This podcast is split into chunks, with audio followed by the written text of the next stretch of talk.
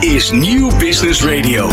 Live vanuit Ondernemershuis Nederland in Den Haag. Dit is De Ondernemer kiest. Presentatie Ron Lemmens en Roland Tameling. Ja, dat is alweer het vierde uur van de Ondernemer kiest. En dit uur te gast, dus premier Rukke, Rutte. En eh, dit is overigens het allerlaatste interview wat hij zal geven voor de verkiezingen. Hij is hier dus ook vooral aanwezig als de leider van de VVD. Van oudsher een echte ondernemerspartij. Maar zijn die ondernemers nog steeds zo blij met VVD als grootste partij van Nederland? Ja, het zal ongetwijfeld een eh, minder heftig interview worden dan eh, we gisteravond hebben gezien op de televisie. Ja. Eh, wij hebben in ieder geval eh, wat minder gekke verrassingen voor meneer Rutte in, in, in petto. En dat is maar goed ook. Verder praten we met Lex van Tevelen, professor Entrepreneurial Finance en Firm Acquisition. Onder meer verbonden aan de Hogeschool Utrecht. En met hem praten we onder meer over het ambtelijk apparaat versus ondernemerschap. En dat belooft een pittig gesprek te worden. Misschien ook nog wel een les hier en daar. Nogal. En ook dit uur schakelen we weer over naar Thomas Hendricks op het Binnenhof, waar hij praat met de ministers van het ondernemerskabinet. Sterker nog, daar gaan we zo mee beginnen. Dit is De Ondernemer kiest. Live tot 6 uur vanuit Ondernemershuis Nederland in Den Haag. Ja, want minister Adriaansens zei net in deze uitzending van De Ondernemer kiest dat het goed gaat met de Nederlandse economie. Maar we weten allemaal, het is ook onrustig op de financiële markten en het gaat verre van gemakkelijk op de arbeidsmarkt. Daarover gaan we doorpraten en wel eh, terug op het Binnenhof, want eh, collega eh, Thomas Hendricks staat daar en gaat in gesprek met twee ministers van ons ondernemerskabinet. Kim Trots, minister van Netwerk en Maurice Cruzio, minister van Schrappen. Nou, er is nog veel meer over die arbeidsmarkt te vertellen, Ron, eh, Roland. Eh, ik sta hier weer op het Binnenhof met ehm, Kim Trots en ehm, Maurice Cruzio. Kim, jij bent eh, minister van Netwerk. Netwerk. Netwerk. En wat is jouw rol in de arbeidsmarkt? Eh, mijn rol in de arbeidsmarkt is dat ik de stem van de freelancers laat horen. Omdat eh, ja, de flexibele workforce zogenaamd eh, steeds groter wordt. En het huidige systeem is daar nog niet op ingericht. Dus ik ben daar om de, ja, de workforce van de toekomst te laten horen. De freelancers. Oké, Maurice, jij bent eh, minister van Schrappen. Dat vind ik een hele mooie. Dat, dat zal vast iets met regels te maken hebben. Nou, dat zou ik denken. Schrappen van regels, dus verminderen van regeldruk. Ik hoorde een eh, be- bekende econoom eh, zeggen: ehm, voor elke nieuwe regel die er komt, zou er eigenlijk een oude moeten worden eh, opgeheven. Wat vind je daarvan? Dat zou ik een vreselijk goed plan vinden, omdat namelijk heel veel regels ook al echt oud zijn, dus in, de, in het verleden liggen en niet meer van deze tijd zijn. Maar de stapeling die steeds optreedt, die is echt gewoon bizar. Eh, Kim, als je kijkt naar eh, de regelgeving in eh, de wereld waar jij je vooral in begeeft, dus ZZP'ers, kleine zelfstandigen, hoe is dat geregeld op dit moment? Nou ja, ik sluit me erg hierop aan, want het is nog best wel ingericht op het ja, systeem waarin werknemers voorop staan. Dus langdurige contracten, maar dat is gewoon niet meer van deze tijd. Gen Z'ers die werken inmiddels voor vijf bazen tegelijk. En, maar hier is het systeem nog niet op ingericht. Dus de modern werkenden, de mensen die eh, ja, gewoon anders werken dan dat onze ouders 20 jaar voor een baas werkten. Ja, dat is, dat is hoe het huidige systeem in elkaar zit, maar dat, dat is niet meer van deze tijd. Dus ja, moeten we meer gaan samenwerken. Meer samenwerken. Maurice, herken jij dat ook? Ja, dat herken ik zeker. Eh, maar we zien wel echt eh, enorme problemen in de arbeidsmarkt op dit moment. En dat houdt ook weer verband met die regeldruk. Eh, het is namelijk zo dat de gemiddelde ondernemer, die heeft al 70 regels waar hij zichzelf aan moet houden. Dan zijn er 45 van die zijn dan werkgevers gerelateerd. En doordat er steeds zoveel regels zijn, is zeg maar het doorgroeien vanuit ZZP naar ondernemerschap is, is echt een enorme opgave. Durven veel mensen ook niet. Met als gevolg dat je dus ziet dat ook nieuwe mensen weer niet meer opgeleid kunnen worden, omdat er niemand meer is die ze kan opleiden in de praktijk. Eh, Kim, herken jij dat ehm, eh, die regels ZZP'ers tegenhouden? Ja, je hebt nu de wet DBA. Dat, eh, ja, dat is ooit ingeel, ja, ingericht om eh, de schijnzelfstandigheid tegen te gaan. Maar wat je dus nu merkt, is dat bedrijven best wel vaak dus nu worden tegengehouden om meer met freelancers te werken of met flexibele krachten. Terwijl dat zo'n eh, toevoeging is aan je bedrijf. Je flexibele schil vergroten. Het is meer creativiteit, meer expertise. Je kan makkelijk op en afschalen. Dus uiteindelijk staat het het ondernemerschap toch tegen. En dat, dat moeten we met z'n allen aanpakken. Maurice, jij, eh, vertegenwoordigt ook de, de wereld van de kappers en eh, de ambachten. Eh, hoe is het daar gesteld op dit moment als het gaat om nieuwe ondernemers en het, de animo om te ondernemen? Ja, kijk, er is arbeidsmarktkrapte, dat is natuurlijk één gegeven. Maar vervolgens is inderdaad uh, het willen doorzetten naar ondernemerschap, dat zien we dat het een enorm probleem is. Het gevolg is ook dat we dus een onderzoek hebben laten doen van ja, hoe zitten die ondernemers nou in? Hoe voelen ze zich? 60% is niet meer uh, geenthousiasmeerd om te blijven ondernemen. En 30% van de ondernemers zou het zelfs liefst nog nu willen stoppen. Dat zijn echt wel uh, enorme signalen. Waarmee ook hele culturen veranderen waarschijnlijk als, uh, als ambacht. en uh, zelfs bakkers uh, kan natuurlijk ook een mooi ambacht zijn. Of patisserie of zo. Dat soort culturen gaan ook veranderen dan in, in de gemeente. Dat zou ook een rol spelen bij provincies. Zie je dat ook een beetje terug in de plannen voor de provincies van de verkiezingen? Nou, we zien we helaas veel te weinig terug. Want uh, er is echt geen, geen enkel oog voor dit soort ondernemerschap. En het jammer is dan wel dat als dit soort uh, mooie ambachten uit de, de, winkelstraten gaat verdwijnen, dan heb je uiteindelijk toch wel echt een compleet andere leefwereld uh, met elkaar. Dus ook de maatschappelijk-sociale impact is enorm groot als dat niet zou gebeuren. En Kim, zie jij dat ook terug, die, die rol van de ZZP'ers in verkiezingen? Uh, nou, veel te weinig. En ik denk dat we juist met een positieve mindset en een open blik meer moeten gaan samenwerken. Dus partijen niet losse eilandjes, maar gewoon hey, hoe kunnen we met z'n allen gewoon een positieve ja, stap vooruit zetten. In plaats van regels en wat is niet goed. Weet je wel? Dat is gewoon uh, waarin je elkaar nodig hebt. En ja, dat. Maries, wat is jouw boodschap aan, aan de politiek en met name de provinciale politiek? Wat moeten zij doen als het aan jou ligt? Nou ja, ik, ik, ik zou er echt enorm op aan willen dringen om toch die regeldruk echt aan te pakken. Hè. Het is steeds, het wordt gezegd, er zijn allerlei plannen voor. Er is een uh, rapport regeldruk ingeleverd, is in bezit bij uh, minister Adriaanse. Maar er moet nu echt wel wat gebeuren, want op deze manier houden deze, dit soort ondernemers het niet meer vol. Kim, heb jij nog een boodschap aan de politiek? Ja, dus uh, meer, meer samenwerken, een gelijkwaardig uh, stelsel creëren wat uh, ja, ongelijkheid in de economie meer aanpakt. En klimaat, dat is het aller, allergrootste issue op dit moment. En daarin ook meer met de ondernemers gaan samenwerken met betrekking tot klimaat. Klimaat pakken we de volgende keer weer op. wij kunnen ook goed samenwerken en daarom gaan we nu weer terug naar de studio. Ga je gaan. Dit is De Ondernemer kiest. Live tot 6 uur vanuit Ondernemershuis Nederland in Den Haag. Kijk of luister mee via Nieuw Business Radio, ad.nl, de websites van regionale media en deondernemer.nl. Ja, en hier gaan we in de studio verder praten met Lex van Tevelen, professor Entrepreneurial Finance en Firm Acquisition. Onder meer verbonden aan de Hogeschool van Utrecht. En zoals Roland net al begin van dit uur zei, we gaan het met hem hebben over onder andere het ambtelijk apparaat versus ondernemerschap. Ja. Lex, van harte welkom in de studio. Um, ja, goedemiddag. Ja, dat, dat is eigenlijk meteen een kick-off. Um, als je het in één zin zou moeten samenvatten, want we gaan er straks natuurlijk uitgebreid over verder praten. Ja. Um, wat kan men van elkaar leren? Ja, veel goede bedoelingen en slechte uitvoering. dat is ook goeie. Ik wilde net zeggen, we kennen Lex al uh, elke eerder te gast in de Ondernemer Live. Uh, als iemand die uh, niet bang is om een statement te maken. Nee, dus nou. ik verheug me ontzettend op dit gesprek. want Lex, jij vindt dat er nogal veel fout gaat in het ambtelijke apparaat in Nederland. Hè? Maar laten we het eens, eens tastbaar maken. Ehm, wat hebben de ondernemers van Nederland nodig wat ze nu niet krijgen? Nou, snelle, snelle toegang tot bijvoorbeeld uh, duurzaamheidsleningen. Tweederde van de ondernemers staat te popelen om hun energie naar beneden te brengen en die transitie te maken.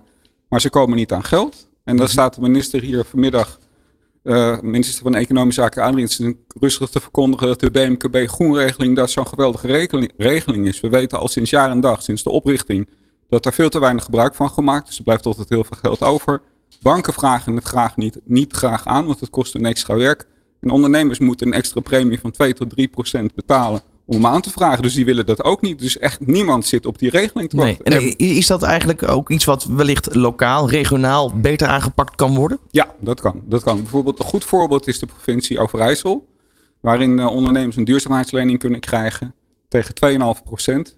En dan zit altijd het addertje in de gas bij de kosten die je moet, voor de afsluiting moet hebben. Als je naar het stimuleringsfonds volkshuisvesting gaat, kan je ook hele lage rentes krijgen als ondernemer. Ja. Maar dan betaal je 1500 euro afsluitkosten op een kredietje van 10k. Dus dat is natuurlijk veel te veel. Maar in de provincie Overijssel hebben ze dat goed geregeld. Dan is het maar 450 euro. Ik eh, klapperde echt met mijn oren van verbazing toen je dit voorbeeld eerder al even gaf. Want hoe bestaat het dat zo'n dat zo'n voorziening um, zo niet bij de wensen en de benodigdheden van de gebruikers past? Wie, wie verzint het überhaupt? Ja, het, het, ik begrijp het ook niet. ik begrijp niet wie die regeling heeft bedacht. En da- dan komen we op het ambtelijk apparaat terecht. Daar zitten eh, mensen die best professioneel zijn. Da- da- daar ontbreekt het niet aan. Mhm. Ambtelijk apparaat in Nederland is goed geschoold, maar niet, denk niet vanuit een ondernemer. Ik, ik, er is nog een andere mooie regeling. Die is pas deze week opengesteld door eh, staatssecretaris Oesloe van eh, Cultuur. Ja. Dat is voor ondernemers in de culturele sector. Hè. We weten dat 85% van de ondernemers in de culturele sector onder bestaansminimum onderneemt. Dus die zitten te ondernemen tegen nog geen 1000 euro per maand aan inkomsten. Nou, die sluiten, sluiten geen arbeidsongeschiktheidsverzekering af. Dus een mooie regeling bedacht om de helft daarvan te vergoeden. Plus een soort starterspremie te geven aan die ondernemers. Maar dan kijk je weer naar de uitvoering en dan zie je dat die ondernemers het pas na 12 maanden premie betalen, dat geld terugkrijgen. Maar die mensen hebben al geen geld. Hoe wil je dan dat ze dat nog voor gaan financieren? Ja. Dus daar ontbreekt het aan enig. Ik bedoel, Maar, maar is dat, is dat een, een gebrek aan een bij wijze van spreken een communicatielijn tussen die ondernemers en het ambtelijk apparaat of de ambtenaren? Gaan ze wel genoeg het veld in om eigenlijk de verhalen op te halen? Of, of is het. Nou, ik- waar waar gaat het mis concreet? Ja, precies. Ja, ik denk dat eh, de politici, de ministers, de, de bewindslieden zelf eh, niet goed opletten bij de uitvoering. Wat de minister Adriaans hier zegt, ja, ik kijk steeds naar die uitvoering. Die uitvoering, nou die uitvoering is over het algemeen niet goed. Mhm. Veel te langzaam, veel te ingewikkeld. En ze, hebben zelf nog nooit een aanvraag ingediend. Dat zou ik ze toch eens aan, Zouden ze een aanraden. stage moeten lopen? Ze moeten zelf eens een paar aanvragen indienen. Ja. Ik ben best wel wat gewend als subsidieaanvrager, omdat mijn onderzoek voor de helft eh, van mijn capaciteit wordt gesubsidieerd hè, door de staat. Daar ben ik blij mee. Maar soms moet ik extra cursussen gaan volgen om een subsidie in te kunnen dienen. Dat is toch van de gekken. Maar dit, dit klinkt een beetje als een overdrijving. Nee, Eh, is het echt niet. Nee? Nee, kun, je, ik- ik- kun je even ons meenemen naar dat moment dan dat je, dat je een, je moet een cursus volgen om je, finan, je financieringen op om orde een financiering op te kunnen halen. Ja? Ja, omdat, eh, omdat, omdat eh, subsidies eh, vrij ingewikkeld zijn. Ja. De, de, eh, er, zijn, er is ooit een keertje misbruik van gemaakt. En wat ze dan doen, in plaats van degene die er misbruik van gemaakt hard aan te pakken, gaan ze iedereen met enorm veel extra werk eh, belasten. Ja. En er zitten een aantal Europese regels aan vast die het heel ingewikkeld maken. Omdat je geen ongeoorloofde staatssteun mag doen. Nou, dat maakt het vrij complex. Maar eh, dan zou het nog wel moeten kunnen hè, als je het een keertje doet. Maar dan blijkt jaar op jaar op jaar de formulieren te veranderen. Blijken de regelingen weer te veranderen. Blijkt het percentage wat je kan krijgen te veranderen. Waarom zetten we dat niet eens voor vijf jaar vast? Mhm. In Dus met andere woorden, de regels worden te vaak aangepast, waardoor het eigenlijk bij merendeel van de ondernemers gewoon niet bekend is Ja. hoe het daadwerkelijk zit. Ja, en als je dan zegt van nou oké, door, door die wijzigingen wordt het inhoudelijk een beter verhaal. Ja, weet je, ik kreeg laatst eh, ongeveer twee kantjes eh, aanmerkingen, opmerkingen aan mijn subsidieindiening. Wat beter moest en anders moest, omdat het niet in de goede kolom stond. Voelde Maar het als heb- een ik heb- aanbesteding? Ik heb, geen letter in mijn voorstel veranderd. Nee, hè? voelde het als een aanbesteding? Ja, het, het, het lijkt een beetje op die wat grotere aanbestedingen. Ja, ja, ja. Eh, wij proberen vandaag hele eh, ja, tastbare, het wordt er zo vaak gevallen, maar vooral ook heel praktische oplossingen. Het kaf van het koren te scheiden vandaag. Eh, als we eens kijken naar de beloftes van de politieke partijen in Nederland. Hè? Eh, links, rechts, door het midden, eh, Ja. groen, niet groen. Ja. Wat zie je daar goed gaan en wat moet er beter? Nou ja, weet je, MKB, grootste werkgever van Nederland, is geen, eh, geen issue in de provinciale eh, verkiezingen. Dat vind ik al enorm eh, irritant. Waar blijkt dat uit? Nou ja, wie heeft Ze komen er gewoon niet in, in, in de programma's staat voor. nergens in de programma's. Ja. Nou, en dan een, een tweede belangrijke issue is dat. ehm, wat is de vraag? Hem nog even. Nou, eh, de, de politieke par- partijen, de programma's daarvan. eh, zeg maar, eh, wat gaat er goed en wat moet Ja. er beter, zei ik. Nou, als je nou naar rechts kijkt, en dan ga ik VVD niet onder rechts, dat is echt een middenpartij aan het worden. Mhm. Als je naar rechts kijkt, dan, dan wordt er heel veel ontkend van de transities. Als je naar links kijkt, willen ze morgen alles anders hebben, vergeten ze de ondernemers mee te nemen. Dus aan, of je nou door de hand of door de kat wordt gebeten. Dan zou ik zeggen, als ik dit zo hoor, dan kom je dus automatisch als ondernemer bij een middenpartij uit. Maar dat is dus ook weer niet zo wat jou Ja, weet je, die, dat zijn nou net de partijen die steeds de regering vormen. En dat, Mhm. daar is iedereen niet heel erg happy mee. Innovatie is essentieel, zeg jij, voor de Ja. vooruitgang van Nederland. Zeker. Eh, Maar eh, voor de, de meeste ondernemers in Nederland is het ingewikkeld om daar optimaal gebruik van te maken. Ja, hetzelfde soort eh, regelingen weer. Hè? Ja. Zit het hem vooral in die regeldruk of moet er ook nog iets anders veranderen om, om, om het leven van ondernemers makkelijker te maken of Nou, beter? Wij, wij hebben aan ondernemers gevraagd wat hun drie belangrijkste issues zijn. Elke drie maanden ste- steken we de pijlstok bij ondernemers erin. En we hebben gevraagd wat zijn de drie dingen waar je echt eh, verbetering op wilt. We tellen mee. Ja, nou de eerste, eh, verhoging van de winstvrijstelling. Ja. Want voor heel veel kleinere bedrijven is die, wordt die elk jaar lager. De tweede was, zorg voor goedkope leningen voor die duurzaamheidsverandering. Want heel veel ondernemers willen echt wel op een energierekening. We willen wel, maar we kunnen niet. Ja, de derde is, maak opleidingen weer fiscaal aftrekbaar. Die hele stapregeling is Ja. natuurlijk een draag van een regeling. We hebben vanochtend al mooie voorbeelden gehoord van eh, edelstenen, eh, cursus edelstenen verkopen of zoiets. Ja, wat, wat moet je daar nou mee, jongens? Maar, maar dan heb je het eigenlijk over, over regelingen die wellicht eh, aangepast worden. Maar dat ook weer een bepaalde termijn voor nodig is om dat überhaupt in praktijk te brengen. Eh, maar de andere kant hebben we de inflatie die nu heel erg Ja. opspeelt binnen no time. Is daar überhaupt op te reageren op deze korte termijn? Want daar heeft de ondernemer de realiteit van vandaag echt mee te maken. Ja, nou de ondernemer die zit met name die zit eh, enorm te zweten. Hè, want we weten dat eh, on- 60% van de ondernemers die zitten eigenlijk op een ondernemersloon wat niet normaal is. Dat zit Nee. namelijk onder het minimumloon. Terwijl ze hun medewerkers eh, dit jaar 12% extra eh, arbeid, geld moeten uitbetalen als die op minimumloon zitten. En Voor de zelf- duidelijkheid, jij zegt 60 procent. 60 60%. Dat is dezelfde 60% als de ondernemers die er geen zin meer in heeft in het voor- Maar- en en dan even voor, voor de duidelijkheid, heb je het dan over MKB-ondernemers of heb je het ook over bijvoorbeeld ZZP'ers? Dat is, eh, wij, wij combineren. Wij hebben een go- goede, goede, goed panel, wat eh, een evenredige vertegenwoordiging is van de Nederlandse ondernemers. En want er zijn zo'n, eh, als je dat allemaal op een hoop gooit, zo'n 1,6 miljoen eh, ZZP'ers in dit land. Hè? Ja. Ehm, die hebben het ook niet makkelijk, vertelde je. Nou ja, het ligt er een beetje aan in welke sector je zit. Er zijn natuurlijk sectoren waar mensen gedwongen ZZP'ers zijn geworden. Dan denk je met name aan de zorg en de bouw. Maar er zijn ook in toenemende mate sectoren waar het heel goed in gaat. Bijvoorbeeld de jongens die de zonnepanelen eh, eh, leggen. En die zeggen eh, van ik ga liever zelfstandiger worden. Want dan kan ik mijn eigen tijd een beetje in, in, in, inregelen. En ik Ja. kan kiezen tussen mijn opdrachtgevers. Dus het begint ook een... ja, voor een aantal is het nog wel heel erg le- leuk om nu ZZP'er te worden. Mhm, Maar op het gebied van eh, begrepen worden door de politiek in Nederland. eh, hoe staan de ZZP'ers er daarvoor wat jou betreft? Nou, het is een beetje hetzelfde. Hè? Heel veel mensen weet- weten dat niet. Maar als je, ik ben zelf ook ondernemer geweest namelijk. Als jij ondernemer bent, dan moet je vooraf je belasting betalen en niet achteraf. Ja. En als je, en, en als je een subsidie wil hebben, moet je vooraf investeren om daarna de subsidie te krijgen. Als je nou niet het geld hebt om dat te kunnen investeren, kan je dus ook weer niet gebruik maken van de subsidie. Kan je dus ook weer niet gebruik maken van de belastingaftrek. Ja, zo schieten we niet op. Nee, en, maar als je daarover nadenkt dat dat misschien toch wel iets is ingebouwd in de zin van ehm, er wordt subsidie verstrekt nadat de, de, ja, eigenlijk de investering gedaan is. Omdat men anders wellicht misbruik kan maken van die subsidie. En achteraf er problemen zijn omdat die subsidie inderdaad ergens anders aan betaald is, maar niet aan hetgene waar de subsidie voor aangevraagd is. Dat is helemaal geen probleem. Is- is- laat, de is dat- ondernemers maar zou reken- dat spelen? laat de ondernemers een rekening zien en in de tijd die hij heeft om te betalen, is over het algemeen 30 dagen, wordt het uitgekeerd. Wat is het probleem? Maar is, is dat eh, zeg maar ambtelijk gezien bij te houden? Zij moeten eens een keertje naast ondernemers gaan staan kijken hoe het bij de ondernemers werkt. We ver- verwachten van de ondernemers dat ze hun belasting vooraf betalen. Maar op het moment dat ze ergens iets willen hebben, dan moeten ze heel lang wachten voordat dat terugkomt. Maar wat stel jij dan voor, Lex? Het hele systeem op de schop? Nou ja, als je iets doet, doe het niet in de vorm van subsidies. Want dan hou je heel veel mensen bezig. En, en de, heel veel ondernemers kennen de weg naar subsidies niet. Dus Mhm. één op de acht ondernemers kent de weg. En zeven van de acht kennen de weg niet. Dat is ook vrij ingewikkeld, moet ik zeggen.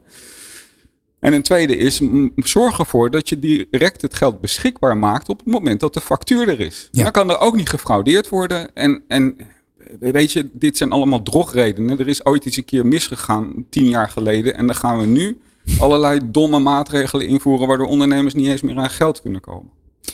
Ehm, heb jij je verdiept in de, in de, eh, nog meer verdiept in de, eh, in de programma's van de politieke partijen? Nee, niet echt. Ja, ik heb, ik heb wel de kieswijzer gedaan. Ja? En toen kwam ik bij een partij uit waar ik nooit op zou stemmen.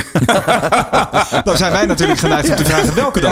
Maar dat ga je niet delen, dat Ja, kan ik me zo voorstellen. Nee, nee, Ehm, eh, wij proberen het vandaag ook zo optimistisch mogelijk te houden. Want we Ja. zijn eh, voor ondernemers en die denken nu eenmaal zo. Ja. Ehm, zijn er dingen die, eh, je, je noemde net al even Overijssel, hè, Ja. een subsidieregeling die heel Ja. effectief is. Ja. Zijn er dingen die verdraaid goed gaan in Nou, ons land? Dat doet Overijssel ook, maar bijvoorbeeld in de gemeente Utrecht is een eh eh, ondernemers centraal programma. Daarbij worden ondernemers zelf gebeld, niet door de gemeente, want dan nemen ze niet op, maar door een andere ondernemer. Hè?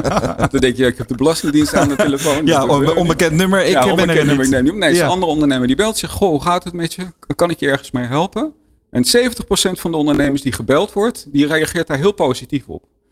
En wij dachten al met z'n allen, want ik ben een beetje bij dat project betrokken, van Ja. oh jee, daar komen heel veel financiële problemen aan de orde. Maar dat was helemaal niet het geval. Maar 30% van die ondernemers bleek een financieel probleem te hebben.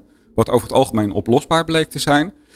En 70% had, was aan het denken over een nieuw businessmodel, betere marketing, meer digitalisering. Ja. De dingen waar we van wakker liggen. Transities. En die, die vroegen gewoon, kun je me daarbij helpen? En toen heeft de gemeente Utrecht, die heeft meteen van tevoren het slim gedaan. Die heeft niet gezegd, je moet een subsidie aanvragen. Nee, die had foutjes klaar liggen. En je kon als ondernemer, als je dat gesprek aanging, kan je een voucher voor 5000 euro krijgen te besteden bij 30 partners die ze hebben geworven. En dat zijn niet de kleinste en ook niet de minste. Mhm. Waarbij je die opleidingen of die support kunt krijgen die Ja. je nodig hebt. En, en de ondernemers die benaderd werden, was dat willekeurig? Of, of werd er gewoon wel naar gekeken welke sectoren die ondernemers actief waren? Nee, dat waren ondernemers die op een of andere eh, manier een eh, COVID-regeling hebben aangevraagd. Waarbij de gemeente dan ook die registratie krijgt. Ja. Hè, omdat de gemeente in Nederland verantwoordelijk is voor de schuldenproblematiek Ja. in de wetgeving. Dus die kregen die melding en die hebben die ondernemer gewoon gebeld. En het goede daarvan is, en ik, ik merk het ook bij financiële dienstverleners. Wij doen er veel onderzoek daarnaar. Heel veel financiële dienstverleners durven geen vragen te stellen aan de ondernemer hoe het met hem gaat. Ja, ja. Die zeggen, ja, daar ben ik niet voor, ik ben geen maatschappelijk werker. Wat ik wilde net zeggen, eh, dit klinkt allemaal zo voor de hand liggend Ja, en zo helder. Dat je denkt, ja, natuurlijk eenvoudig. pak je dit aan Ja. op deze manier. Maar waarom gebeurt het op andere plekken dan niet? Nou, ik, ik zal je eens eh, een ander verhaal vertellen.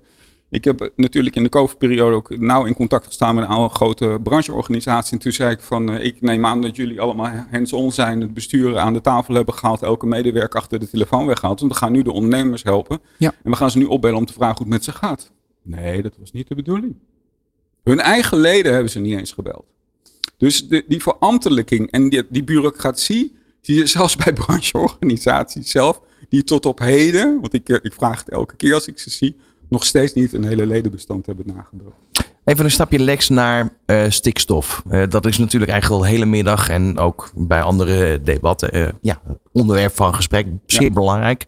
Ja. Ehm, dat is voor ondernemers natuurlijk ook een, een punt waar ze ja, op moeten gaan anticiperen. Maar er is nog steeds geen duidelijkheid. Nee, maar ja, weet je, hoe, hoe, dat zal voor een klein deel van de ondernemers gelden. Met name die ondernemers die grote plannen hebben om bijvoorbeeld uit te breiden.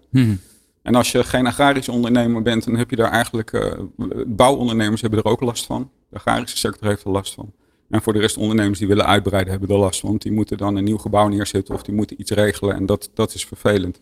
Maar ga er nou maar van, gewoon vanuit dat de gewone ondernemers gewoon blijven ondernemen en er helemaal niet zoveel last van hebben. Ja. Anders dan dat er een wetgeving, Europese wetgeving nu is aangenomen. hè, De, de groene richtlijn voor verslaggeving van grote bedrijven. Ja. Die volgend jaar ingaat. Waardoor in de ketens waarin ondernemers werken ineens de vraag komt. En wat is jouw Ja, ja. CO2-footprint? En hoeveel kilometers maak jij? En wat, hoeveel energie gebruik jij? En Ja. ondernemers zijn daar helemaal niet op voorbereid. Want wat daar toch de vraag, hoe kijk jij bijvoorbeeld naar de subsidie die Shell in Pernis eh, krijgt? Anderhalf miljard per jaar. Ja, ik weet niet waarvoor die wordt gegeven.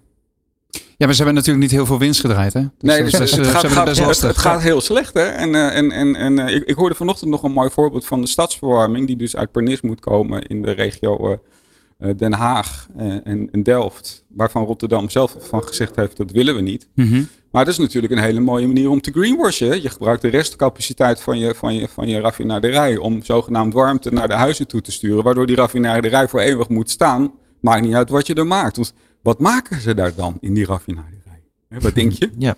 Dingen die, die we eigenlijk niet willen. Ook Maar, maar zou die prikkel voldoende zijn om dan uiteindelijk toch te gaan verduurzamen als eh, raffinaderij? Ach nee, die Shell die kan ook bij andere landen terecht. Die speelt gewoon het spelletje en die, die speelt regeringen tegen elkaar uit. En daar waar ze het grootste, eh, grootste, de grootste zak centen krijgen, daar verhuizen ze natuurlijk naartoe. Ik ga eh, eventjes eh, naar morgen. Want dan staan we allemaal met een eh, groot papier voor ons neus en een rood potloodje in de hand Ja. voor een keuze. Ja, Ehm, eh, je direct vragen naar een stemadvies is misschien wat, wat ongepast. Maar eh, ik ben er niet jij- uit, dus ik weet niet hoeveel ondernemers er al uit zijn. Nou ja, maar wat, wat zou jij doen als je ondernemer was? Wat, wat is je gevoel? Nou, dan denk ik toch dat ik ook voor rechts zou gaan. Ja, maar je zei eerder, je- dan zou ik adviseren, stem met je portemonnee. Wat bedoelde Ja. je daarmee? Nou, dat betekent dat je kijkt naar van nou, welke veranderingen komen eraan. Welke partijen leveren mij als ondernemer de beste support aan. En dan, Mhm. dan kom je bij partijen over het algemeen die de veranderingen ontkennen. Dat is niet zo handig, want dadelijk moet je er toch in gaan investeren. ja, Maar eh, als je dan toch echt met je portemonnee stemt, dan ga je over rechts. oké. Nou, Dat Oké, dus. Dat Nou, dus. Ehm, ja, en, sowieso denk ik dat het voor, voor heel veel ondernemers een, eh, een, een uitstekend eh, eh, advies is om vooral dus goed je weg te vinden naar die subsidies en dus wel op de muziek vooruit te lopen. Ja, en kijk even naar jouw provincie. Hè. Als je wil gaan uitbreiden en plannen hebt, of Ja. je wil gaan innoveren, dan zijn, is, zitten daar grote verschillen tussen provincies tussen. Dus als je in Overijssel woont, heb je het wat beter. Woon je, in Utrecht, dan hoef je niet bij het energiefonds aan te kunnen kloppen. Want dan betaal je en een hoog- hoge rente en Ja. een hoge afsluiting. Zou het nog interessant zijn om dan te overwegen te vertrekken naar een andere plek? Ja, weet je, je kan bezig blijven. dus eh, het Ja. kan wel. Ja. eh, maar dan, dan zou ik zeggen, ga eh, richting België of Duitsland. En, en blijf dan niet in Nederland. Maar ehm, ik vroeg net naar, eh, naar positieve dingen. Zijn er nog meer voorbeelden waarvan je zegt van goh, daar, daar kunnen eh, overheden of eh, ambtenaren die nu luisteren of ondernemers die nu luisteren en dat wellicht tegen hun lokale politici kunnen zeggen. Neem eens een voorbeeld aan deze gemeente of dit, deze provincie. Heb je nog één voorbeeld? Gemeente Utrecht was een mooi voorbeeld Ja? natuurlijk. Maar ik denk dat er veel meer programma's zijn. Alleen ze zijn niet bekend. Dus dat is het grote probleem. Dus iedereen denkt van... ik heb maar, elke wethouder heeft zijn eigen standbeeld ongeveer staan... voor de subsidieregeling die die in de gemeente heeft. Nou, dus eigenlijk moet er een, een, een soort van communicatieplatform komen, of althans een podium voor dit soort initiatieven. En misschien wel twee keer zoveel uitgeven aan, aan de marketing... dan aan de subsidieregeling zelf. Heel goed. Lex, ik, eh, ik vind het een helder verhaal. En eh, eh, we danken je hartelijk voor in ieder geval deze, laten we zeggen, second opinion van eh, de dag van vandaag. Tijdens de ondernemer kiest. Lex van Tevelen, professor Entrepreneurial Finance en Firm Acquisition. Hartelijk dank. Graag gedaan. Van hippe start-up tot ijzersterke multinational. Iedereen praat mee. Dit is New Business Radio. De Ondernemer kiest. Nieuwsupdate. Met Tamara Bok. Goedemiddag. De kleinere levensmiddelenproducenten moeten hun bedrijfsprocessen nog efficiënter gaan inrichten, willen ze het hoofd boven water houden. Alleen dan blijft de supermarkt betaalbaar. Dat is op te maken uit cijfers van het CBS. Voedingsmiddelen zijn zo'n 15% duurder dan een jaar geleden, onder meer door de hoge prijzen voor grondstoffen, energiekosten en oplopende loonkosten. En dat betekent dat winkeliers, willen zij niet achter de feiten aanlopen, een tandje bij moeten zetten. De politiek moet zich focussen op het steunen van ondernemers met schulden en actiever en flexibeler optreden om hen uit die schulden te halen. Dat zei EZK-minister Adriaanse vandaag in deze uitzending. Adriaanse zegt dat, het goed ga- dat het goed gaat met ondernemend Nederland, maar dat er wel wat aan de hand is en we daar niet te snel overheen moeten stappen. De regeldruk voor ondernemers moet worden bestreden. Volgens ONL-voorman Hans Biesheuvel is de explosie aan regelgeving voor bedrijven en ondernemers inmiddels niet te overzien. Minister Adriaansen schreef aan dat het belangrijk is hierover met elkaar in gesprek te blijven. Zij stelt ook dat te veel regels uiteindelijk de economische voortgang gaan belemmeren. En politieke partijen voeren actief campagne op TikTok. Best opvallend gezien een Kamermeerderheid voor een TikTok-verbod is op telefoons van de, van de Rijksambtenaren. Onder meer VVD, GroenLinks, Forum voor Democratie, BVNL en de Boerenburgerbeweging posten regelmatig filmpjes in aanloop naar de verkiezingen van morgen. FVD-voorman Thierry Baudet post overigens de meeste foto's. En de komst van premier Mark Rutte naar Vandaag Inside heeft de talkshow gisteravond een kijkcijferrecord opgeleverd. Rutte noemde zijn komst naar het programma zelfs het hoogtepunt in de campagne rond de verkiezingen voor de provinciale staten. Maar dat verandert natuurlijk hier vanmiddag bij De Ondernemer kiest, waar hij te gast is. Het weer dan. Het is nog een beetje wisselend bewolkt. Vanavond koelt het af tot een rond het vriespunt. Morgen afwisselend bewolkt, wederom en een zonnetje. Dan zo'n 9 graden. En tot zometeen over een half uur. Dit is De Ondernemer kiest. Live tot 6 uur vanuit Ondernemershuis Nederland in Den Haag. Ja, al 13 jaar is hij de premier van Nederland. Maar in aanloop naar de verkiezingen is Mark Rutte toch vooral de partijleider van de VVD. Als premier heeft hij al diverse stormen doorstaan. Noem bijvoorbeeld de coronacrisis. Maar inmiddels kennen we ook de stikstofcrisis, de asielcrisis. Zijn bezoek aan de ondernemer kiest is vandaag het laatste interview dat Mark Rutte geeft voor de verkiezingen van morgen. ADR-hoofdredacteur Paul van der Bos en Thomas Hendricks van de ondernemer gaan met hem in gesprek. Dankjewel jongens. En eh, eh, meneer Rutte, welkom terug bij de ondernemer. Eh, Leuk weer. eh, bij onze gastheer eh, van ONL, Hans Biesheuvel. Ja. En naast mij Paul van der Bos van, eh, van het AD. En eh, we gaan meteen even naar Paul, want Paul die heeft eh, iets gemerkt vanmorgen in de krant. Eh, wij, wij merkten aan de reacties van onze lezers ehm, en op de site dat er veel is gereageerd op het, op het, ik zou het geen debat willen noemen, van gisteravond eh, bij de collega's van de SBS. Ja. Ehm, ik vroeg me in eerste instantie af, bent u benieuwd wat voor afscheidscadeau u hier krijgt vanmiddag? Of, of Ja, eh, nou ja, eh, ik, ik, dat kan nauwelijks overtroffen worden wat ik gisteren kreeg. Ja, Dat was een helm met een bijzonder object erop. Ja, dat... Vervolgens zorgvuldig heb verpakt in de mede cadeau gedane eh, badjas. We hebben het inmiddels, eh inmiddels een verhaal op ad.nl staan dat eigenlijk wat er gisteravond gebeurde, eigenlijk in andere landen niet, eigenlijk niet voorkomt en niet zal gebeuren. En wij vroegen ons af, ik vroeg me in ieder geval af, eh, hoe zit u daar? Het was toch wel, laat ik het zo zeggen, het was opmerkelijk. En ehm, het decorum van de premier, ook in de benadering naar u toe, die ontbrak. Ah, vind ik geen punt hoor. Wij zijn een heel egalitair land. Als ik op Mhm. straat fiets ben ik Mark. Dus al dat decorum, al die poeha, ik kan er niet zoveel mee. We moeten gewoon eh, besturen eh, en ons verantwoording afleggen. Nou, de mannen waren heel kritisch en die zeiden hij durft niet te komen naar die uitzending. Toen heb ik ze een eh, videootje gestuurd uit de wintersport van wat een onzin. Ik vind het een leuk programma. Dus ik kom graag een keer langs. En ik had er heel veel plezier en het was natuurlijk stevig. Zij waren stevig, ze hebben geen gas teruggenomen. Eh, en over een paar weken zit ik er weer. Dus, eh, ja. U zit er weer? Ja, zeker. Revanche? Nee, maar ze zeiden na afloop, zei Wilfred van ja, je bent hier zeker alleen vanwege de verkiezingen. Ze ja, nou wordt hij helemaal mooi. Jij zegt ik durf niet, dan ben ik er en dan doe ik het voor de verkiezingen. Ik zeg maar dan kom ik ook wel zonder verkiezingen. Toen zei hij mooi, aanstaande donderdag. Ik zeg nou dan ga ik eh, even op bed liggen naar de verkiezingscampagne en al het gewone werk weer oppakken. Eh, maar over een paar weken ben ik er graag bij. Is het voor een politicus handig dat een hele tafel en een, iemand aan de bar op u inhakt? Waardoor de kiezer thuis, hè, de kijker thuis, Mhm. denkt: hé, hey, dit is een. U komt in een underdog-positie van: hé, hey, dit is wel weet ik allemaal 4 tegen 1 of niet? Ja, maar dat weet ik allemaal niet. Ik heb gedacht toen ik naar binnen ging, ik ga gewoon naar een verjaardag. met een, eh, met een eh, oom die in de hoek eh, een beetje mo- zit te mopperen. En, en tante Clara die eh, met de taart rondgaat. En gewoon een gezellige Nederlandse verjaardag. eh, waar over alles gepraat wordt. Zoals het op Nederlandse verjaardagen gebeurt. En dat vind ik het leuke van dat programma. Je zit er een beetje in een soort huiskamer. Dus ik dacht, ik moet daar even ook, dat moet ik niet gaan voorbereiden. eh, eh, ja, maar een beetje laten gebeuren. Ja, je zit hier nu in de huiskamer van eh nou, Ondernemen Nederland, hè, het ondernemershuis. Absoluut. En ik zou zeggen, laten we het eens over de inhoud gaan hebben. Eh, want daar zitten we hier voor. Ja. Eh, nou, je weet, ik, ik ben al tien jaar lang actief. Ik ga elke dag op werkbezoek in het land. Gisteren ook weer een paar keer. En bij Ondernemerscom eh, komen er allerlei vragen naar boven. Over de arbeidsmarkt. Over hoe betaal ik die elektrische oven of die elektrische bus die ik wil kopen. Ja. Ehm, ja, wat, wat, wat zie je daar gebeuren op dit moment hè, in de politiek? Wat heb je voor antwoorden richting dat bedrijfsleven? Ja.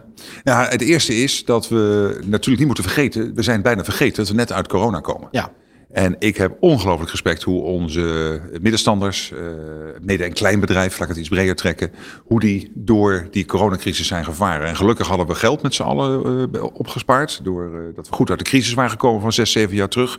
Dus we hebben er ook tientallen miljarden uit de overheid bij kunnen leggen. Maar dat is ook geld van ons allemaal. Ja. Waardoor we ook heel veel werkgelegenheid hebben behouden. Nou, ik heb heel veel horeca-eigenaren, eh bedrijfseigenaren, winkeleigenaren gesproken die zeiden het was loodzwaar.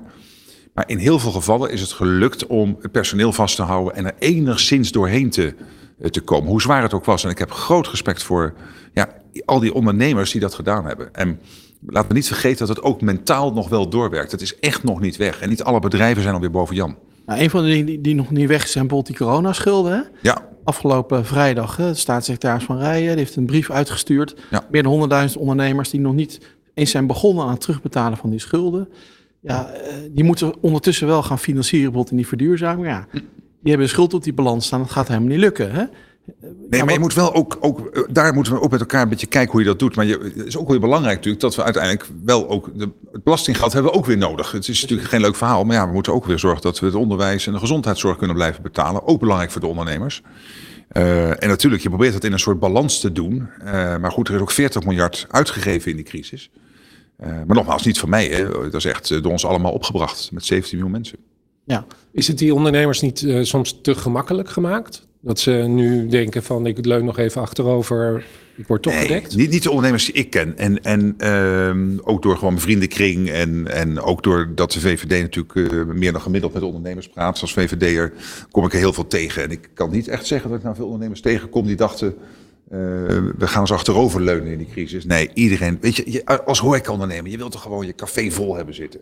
Dat is toch gezellig? Hmm. Dat is waarom je een bedrijf bent gestart. Je wilt toch niet eh, je handje ophouden bij de overheid... omdat die overheid heeft gezegd, ze blijven allemaal thuis en de cafés gaan dicht. Dus, dus nee, dat, dat is niet mijn beeld. Nee, oké. En, en als een gesprek met een ondernemer wordt gevoerd, wat, wat hoort u dan?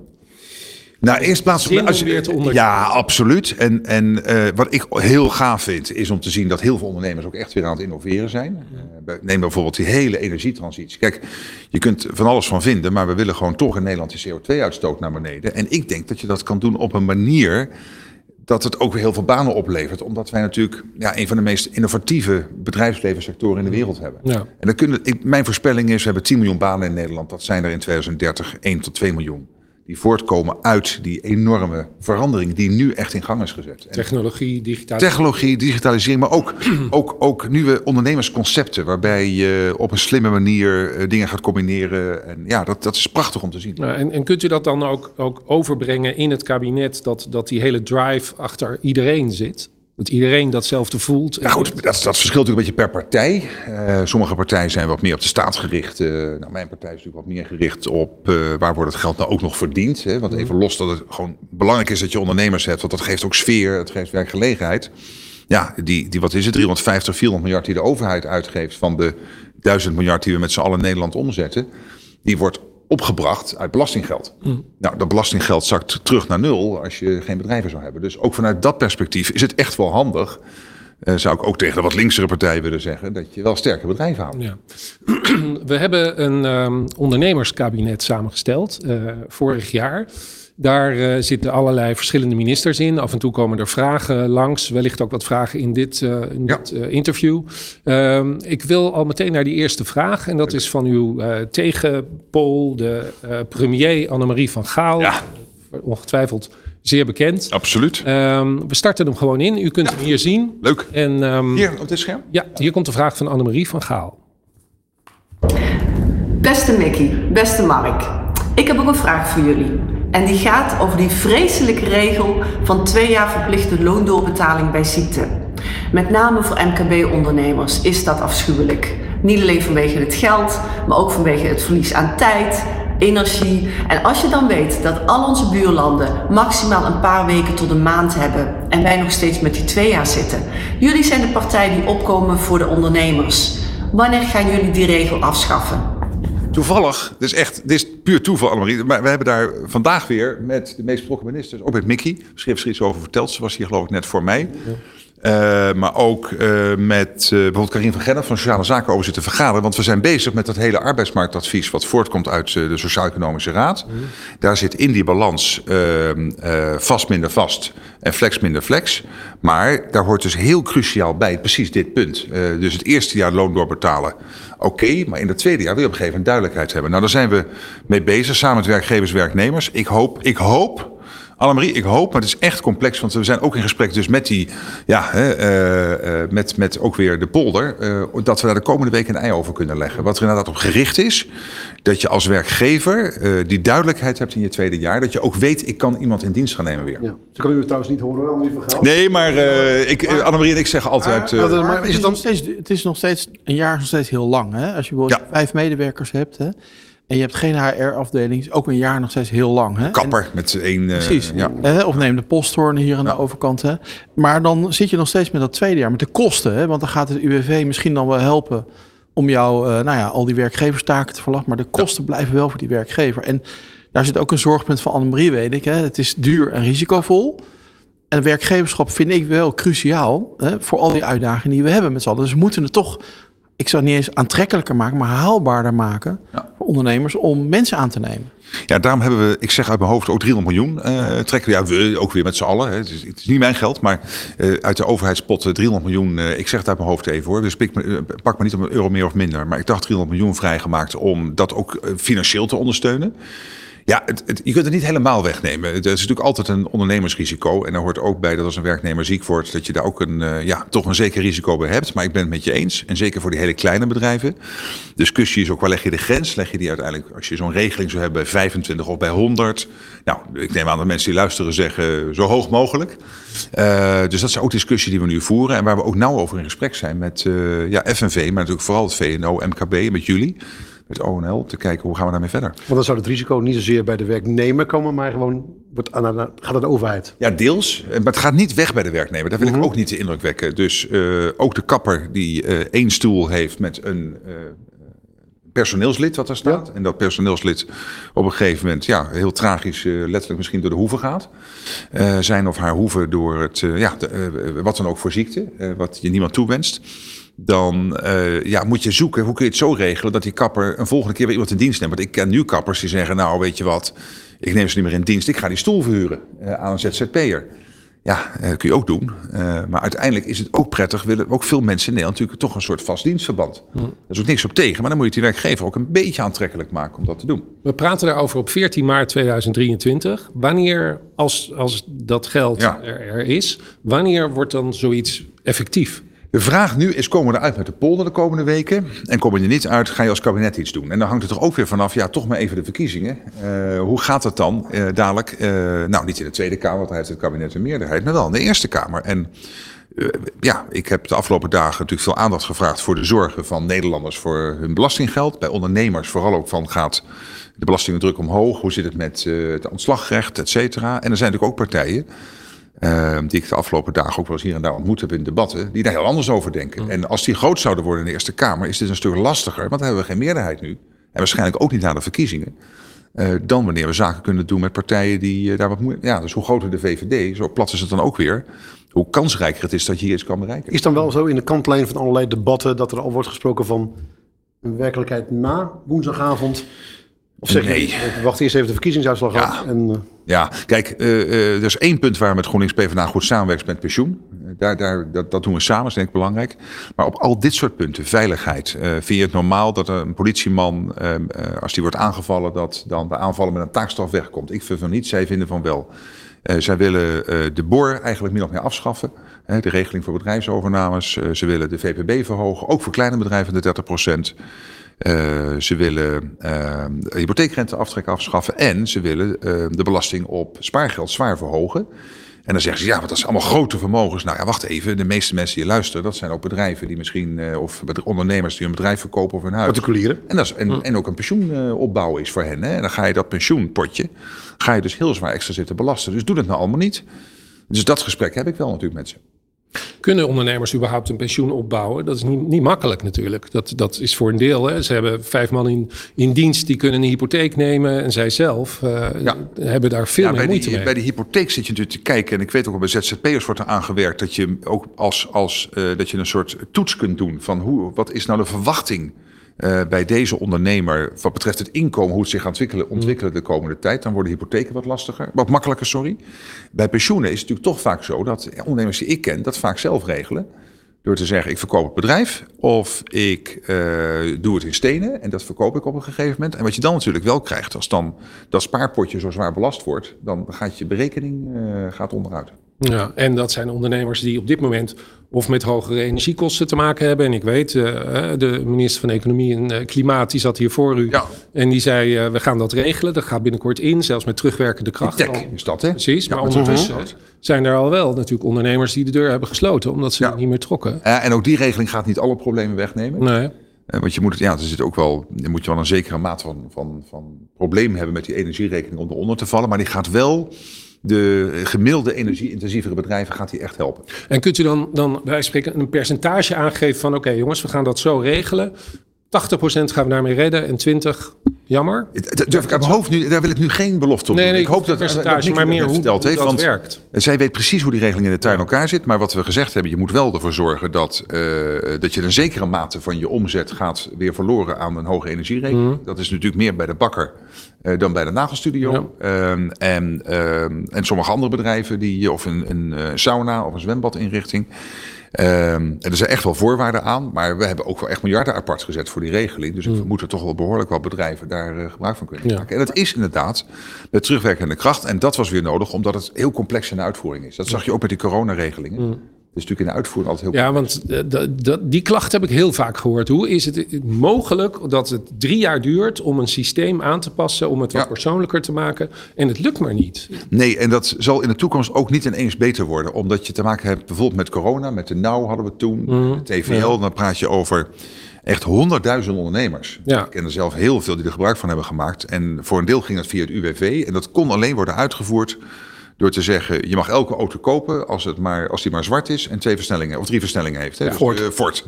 En dat was hier ook. Omdat je, als je maatwerk gaat doen, dan gaat het mis in die uitvoering. Hmm. Dat komt niet overigens door de mensen die daar werken. In die, in die professionele dienstverlening werken fantastische mensen. Maar die organisaties zitten allemaal met enorme eh, problemen die ze moeten oplossen. En daar steken we nu geld in, gelukkig. Hmm. En de mensen ook.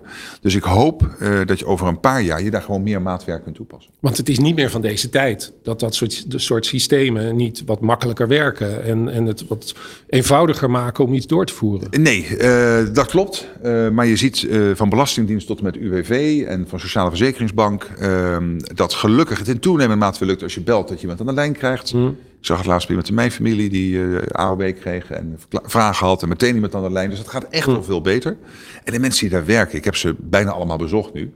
Al die eh, geweldige organisaties. Ja, die willen ook niks anders dan dat als- u en ik eh, een vraag hebben, dat je dan een persoon aan de lijn krijgt en geen computer. Oké, Hans. Ja, nou, Ton even wat over de energierekening. Hè? Want eh, nou, die tech die gaat dan volgende week. Hè? Dat loket gaat open. Nou, dat is dan voor de soort pleister eigenlijk hè, die we plakken om die energierekening te kunnen betalen dit jaar.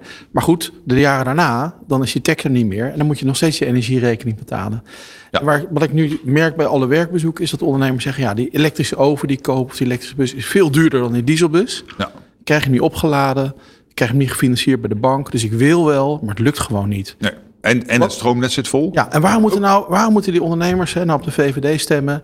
Waardoor jij kan zorgen met de VVD dat dat wel goed geregeld wordt. Want ze willen wel, maar ze kunnen niet. Ja, om te beginnen zijn het natuurlijk allemaal regelingen. Dat geldt ook voor het prijsplafond voor, voor de mensen eh, in algemene zin. Hè, zeg maar voor de Nederlander die niet een bedrijf per se heeft, maar eh, eh, gewoon een particuliere. Ook voor ons hier aan tafel. Eh, dat is, loopt, de- al die dingen lopen weer af. Maar we zijn natuurlijk aan het kijken nu met het kabinet. Wat moet je doen daarna? Ja. Hoe ontwikkelt de gasprijs zich? Nou, die gasprijs is gelukkig nu een heel stuk lager, maar je weet niet of die zo laag blijft. Nee. En een van de discussies die we hebben, moet je nou eh, op een gegeven moment toe naar een soort van eh, prijsplafond. Dat zou die gasprijs ineens stijgen, dat je op voorhand zegt, we, we dekken een stuk van jullie zorgen af. Nou, we hebben heel veel varianten nu aan de Kamer gestuurd. Wat je zou kunnen doen, puur om iedereen te informeren. En als kabinet moeten we nu pakketjes gaan maken, eh, ook richting 2024. Maar moet het niet veel sneller? Hè? Want kijk, veel ondernemers moeten nu wel. Hè? Kijk, mijn generatie ondernemers dachten na de tijd... joh, het gaat mijn deur wel voorbij, die verduurzaming. Hè? Nu denken ze, ja, nu kan ik niet anders meer. Het moet nu. Is het ook niet een kans voor de overheid om te zeggen... nou, we gaan versnellen. We gaan dat deltaplan maken. We gaan Ik kan niet helemaal de kosten wegnemen. Dus als een, als een bakker overgaat op elektrische oven, is het niet zo dat de overheid die elektrische oven gaat neerzetten. Nee, maar je kan ze wel helpen om die financiering voor elkaar te krijgen. Dat ze, op, dat ze die bus kunnen opladen. Want je loopt nu tegen een probleem aan. En dat is ook de banken. Je krijgt die bus niet opgeladen. Nou, daar, daar kunnen misschien regelingen als BMKB en andere regelingen nog bij helpen. Daar Ja. zijn we natuurlijk aan het kijken. Eh, en die helpt ook echt wel, want er zijn natuurlijk veel banken, die klachten hoor ik heel veel.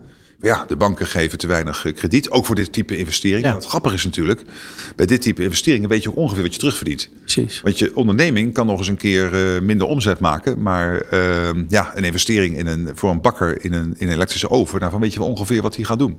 Maar ik, ik hoorde uw collega Joe Biden vannacht zeggen op CNN... in het kader van eh, het omvallen van banken. Klinkt goed, mijn Ja, ja, ja, ja, hij is regeringsleider. is regeringsleider. Ik ben geen staatshoofd.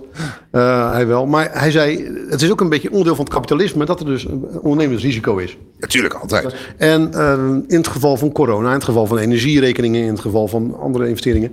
bent u niet bezorgd dat, dat er nu heel erg veel naar de overheid wordt gekeken... dat er allerlei ondernemersrisico wordt afgewenteld op, uiteindelijk gewoon op, op de overheid... en dus op de belastingbetaler? Waar zit het evenwicht daarin? Ja, nee. Eh, Ik laat, laat ik toelichten. Ehm, eh, om te beginnen is het gewoon waar. Als jij een onderneming start, is het- ja, natuurlijk doe je dat voor, voor eigen kosten en rekening. Ja. En als het goed gaat, dan eh, vind ik het fantastisch. Als het goed gaat, dan ga je mensen in dienst nemen.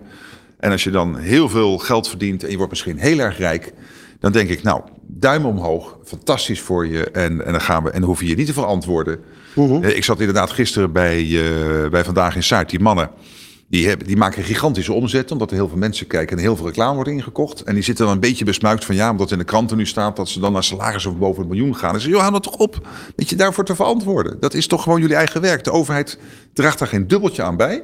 Het is allemaal je eigen omzet. Je doet het gewoon vreselijk goed. Je maakt een leuk programma, veel eh, reclame inkoop. En dat geldt voor elke ondernemer ook. Eh, dus daar moet de overheid ook niet te snel met allerlei vangnetten eh, weer als het een keer misgaat. Oh, nou zijn wij er.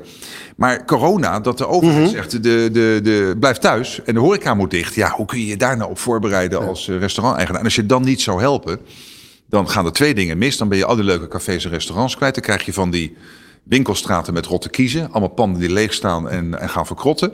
Met het risico ook nog dat daar misschien uh, hennenplantages of wat dan ook in terechtkomen. Dan is dat wat ik bedoel. Dat, dat niet ieder risico is door de staat op te pakken. Ja, helemaal eens. Nee, ik ben liberaal. Natuurlijk. Uh, dat kan ook niet. Uh, dingen tegen je schuld. Als je ziek wordt. Uh, of je baan verliest, uh, dat je dan even opgevangen wordt door de overheid. Dat vind ik heel prettig. Dat vind ik zelf ook prettig. Als ik ziek zou worden, dat ik weet, er is een fatsoenlijke WO-regeling in Nederland. Dat vind ik gewoon beschaving. Ik, ik, hoorde een paar keer terug dat u een paar keer heeft gezegd dat, dat het wat tijd wordt om eens te kijken naar de allerhoogste inkomens of de mensen die het meeste verdienen.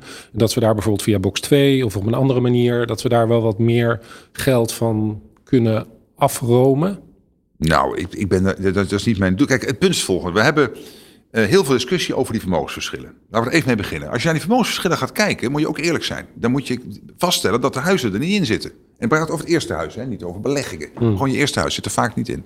Twee, dat is 25% al van de vermogens. Dan de pensioenen zitten er ook niet in, dat is 47%. Dus als je die er allemaal in zou stoppen, en zegt, ja, er zijn hele grote vermogensverschillen. Ja, maar dan zitten dus ook die eerste huis en pensioen erin. Dan zitten wij ineens onder Frankrijk en Duitsland qua vermogensverschillen. Onze inkomensverschillen zijn al heel laag. Nou, dan zijn er nog steeds aanzienlijke vermogensverschillen. Nogmaals, als jij gewoon een bedrijf start en succesvol bent, duim omhoog. Daar heeft de overheid verder niks mee, mee, mee te schaften. En wat doet dan bijvoorbeeld links? Die zegt, nee, maar dat gaan we aanpakken. Hoe doen ze dat dan? Ik noemde ze net. De VPB op kleine bedrijven verhogen. Uh, VPB op uh, een pensioenpotje wat je gespaard hebt uh, verhogen. De boor afschaffen, noem maar op. Wat gaat dat doen voor de grote vermogens? Ik snap dat niet. Hè, dus ik, ik, ik, ik, denk ook wel eens als ik zie dat Shell, wat was het, 30 miljard binnenharkt. Mm -hmm. omdat u en ik bij de pomp ja, uh, ons, ons blauw betalen. Niet om door Shell, maar door de hoge olieprijs. Waardoor Shell zo vreselijk veel winst kan maken. Dan denk ik ook wel eens van jongens, kun je niet nog wat meer investeren in de waterstofeconomie. Hmm. Dat zegt u uh, ook waarschijnlijk. Ja, zeker, natuurlijk, natuurlijk. Ja, en ik snap ook Shell wel weer dat ze zeggen... ja, maar als we ons met Exxon vergelijken... dan zijn we bijna een overnamekandidaat... omdat die aandelen zo laag staan. Ja, maar hoe ga ik dat uitleggen aan uh, mevrouw Jansen... die uh, van een modaal salaris moet rondkomen... in de, in de spitsuur van het leven met twee kinderen? U schetste het beeld van links wil juist allerlei extra heffingen doen... en vooral op de lagere, of de, de kleinere bedrijven... Maar als je kijkt naar, naar um, uw positie ten opzichte van andere partijen, bent u dan niet bang dat, dat de, de mensen die niet op u stemmen nog verder naar rechts doorbewegen? Nou, verder naar rechts dan kom je bij partijen uit die uh, op de economie uh, ongeveer de SP-agenda hebben. Kijk, mm. de PVV bijvoorbeeld. Mm. Dat is uh, op de economie echt een redelijk rampzalige agenda. Dat is echt het enige waar... Waar plaatst u de BBB ten opzichte van de VVD? Ja, dat is vaag. Dat weet ik niet. Uh, ik vind Caroline van der Plas een hele leuke collega. Ze doet het vreselijk knap in de campagne. Maar wat ze precies wil, is natuurlijk nog wat onduidelijk. Ook niet zo gek. Nieuwe partij moet nog getest worden. Uh, dus dat, dat gaan we wel uitzoeken de komende maanden. Mm. Uh, als we gaan onderhandelen misschien in die colleges, in die provincies, dan komen we erachter. Maar zo'n PVV is natuurlijk gewoon alleen op migratierechts. Mm. Dat is verder een linkse club. Ja. Maar ik, ik kom uit Gooi. Ik hoorde in het Gooi ook vaak van, nou, ik weet het niet meer met Rutte. Ik ga maar eens richting jaar 21 bijvoorbeeld. Nou, dan zeg ik tegen die mensen het gooi. Uh, we gaan kernstraals bouwen. Klassiek VVD-punt. We, gaan, we investeren extra in veiligheid, nationaal, maar ook in defensie. Mm. Uh, we zijn bezig om bijvoorbeeld, ik noem maar even één ingewikkeld punt, die A27 te verbreden bij Amelis Weert. Wat gewoon nodig is voor de doorstroming in Nederland. We hebben de accijns op benzine uh, verlaagd. We hebben de onbelaste reiskostenvergoeding hebben we verhoogd. Dat zijn toch allemaal klassieke VVD-punten. Dus ja. ik, ik, ik, vind het prima als mensen dat zeggen. We hebben structureel de inkomstenbelasting voor de middengroepen. En dat is de groep, denk ik, die het zwaarste steeds geraakt wordt door al dit soort crises. Natuurlijk de onderkant, die wil armoede voorkomen. Geen mensen bij de voedselbanken. Iedereen, ieder persoon bij de voedselbank is één te veel. Maar je moet ook zorgen dat die middengroepen... Nou, 4 miljard structurele lastenverlichting hm. voor de middengroepen. Ja. En als je kijkt sinds 2010, toch even, inkomstenbelasting. Uh, de belasting op kleine ondernemers... Uh, en uh, de belasting op sparen, alle drie verlaagd sinds 2010. Maar u weet dat het grote hangijzer met de BBB is natuurlijk gewoon stikstof. Ja, zeker. Met andere woorden, u kunt alle dingen opnoemen die natuurlijk ja. eh, een nieuw voordeel van uw partij is. Maar de, de stikstofdiscussie bepaalt op dit moment natuurlijk de verkiezingen. Nou, dat weet ik niet. Als, ik met mensen op straat... Met name in het oosten en het zuiden van, van, van het land... waar de BBB gewoon op, op, op grote winst staat. Ja, zeker op platteland denk ik. Is dat ja. absoluut waar het een heel groot onderwerp is. En ik snap dat ook. Maar tegelijkertijd, als je met mensen op straat praat... wat ik dus veel weer mm -hmm. meer dan gemiddeld gedaan heb... ook omdat je dan campagne voert... is toch dat mensen bezorgd zijn over je portemonnee over veiligheid. Er is ook internationaal gebeurd er veel. Hoe houden we dit land veilig in een instabiele wereld? Dat zijn echt ook thema's die meespelen. Ook stikstof. Maar dan zeg ik ook, kijk op stikstof, het probleem is er. Uh, we weten in Brabant inmiddels dat als we nou niet wat tempo maken, dan kun je geen weg aanleggen en geen huis bouwen. Um, en ik moet ook daar gaan testen de komende maanden hoe de BBB daarin zit. Zijn ze ontkenners of zeggen ze nee, het probleem is er, maar we willen het anders oplossen? Dan gaan we allemaal uitzoeken. Bent u niet bang dat het de verkiezingsuitslag van morgenavond, hè, dat hij dan uiteindelijk dat hele, dat hele ambitieplan van het kabinet gaat, gaat stilleggen? Nou, ik heb de afgelopen 13 jaar niet anders gedaan dan uh, als er moeilijke wetsvoorstellen door de Eerste Kamer moesten aan de telefoon gezeten met Soms kleinere partijen, SGP, de, eh, de onafhankelijke senaatsfractie, 50plus. Uh, al die afsplitsingen van Forum die we inmiddels hebben. Waarvan een deel dan weer bij een wat grotere fractie zit. Nou, heel veel. Uh, op pensioenen bijvoorbeeld doen we wel zaken met PvdA GroenLinks. Het is niet zo dat ze helemaal niks met ze kunnen doen. Maar alsjeblieft niet op veiligheid en belasting, want dan gaat het mis. Um, en dat zal ook na de verkiezingen niet anders zijn. En dan zal zeer waarschijnlijk BBB ook groot in de Eerste Kamer zijn. En dan ga je kijken bij hen, uh, wat vinden jullie ervan? Het is ook een beetje uittesten. Ik heb u een aantal keren die zin doen in programma's. Ja, sorry, die telefoon. Nee, nee maar ja. ik snap hem. Want, want, uh, Mijn baan is ook heel erg veel bellen. uh, senator, hoe is het thuis? Ja, ja. Wat kan ik op uw steun rekenen? Ja, dat is mijn vak ook. Ondertussen nog een beetje daar proberen een positie in te nemen. Ik wil toch even naar een ander onderwerp. Uh, ook eentje die uh, dat Hans aanspreekt met die regelgeving. En daarvoor hebben we weer een video. In dit geval van uh, Maurice Cusio. Ik heb een vraag aan Mark Rutte. beste premier, hoe kijkt u aan tegen de sociaal-maatschappelijke impact van kleine ondernemers in het MKB en dan nog veel specifieker van de ambachtelijke ondernemers in het MKB? Maurice Cusio is ehm, vertegenwoordiger van kappers, Kijk uit Hans. Is vertegenwoordiger van Kappers. En, um, en tegelijkertijd is hij bij ons in het ondernemerskabinet is hij de minister van Schrappen. Met een R.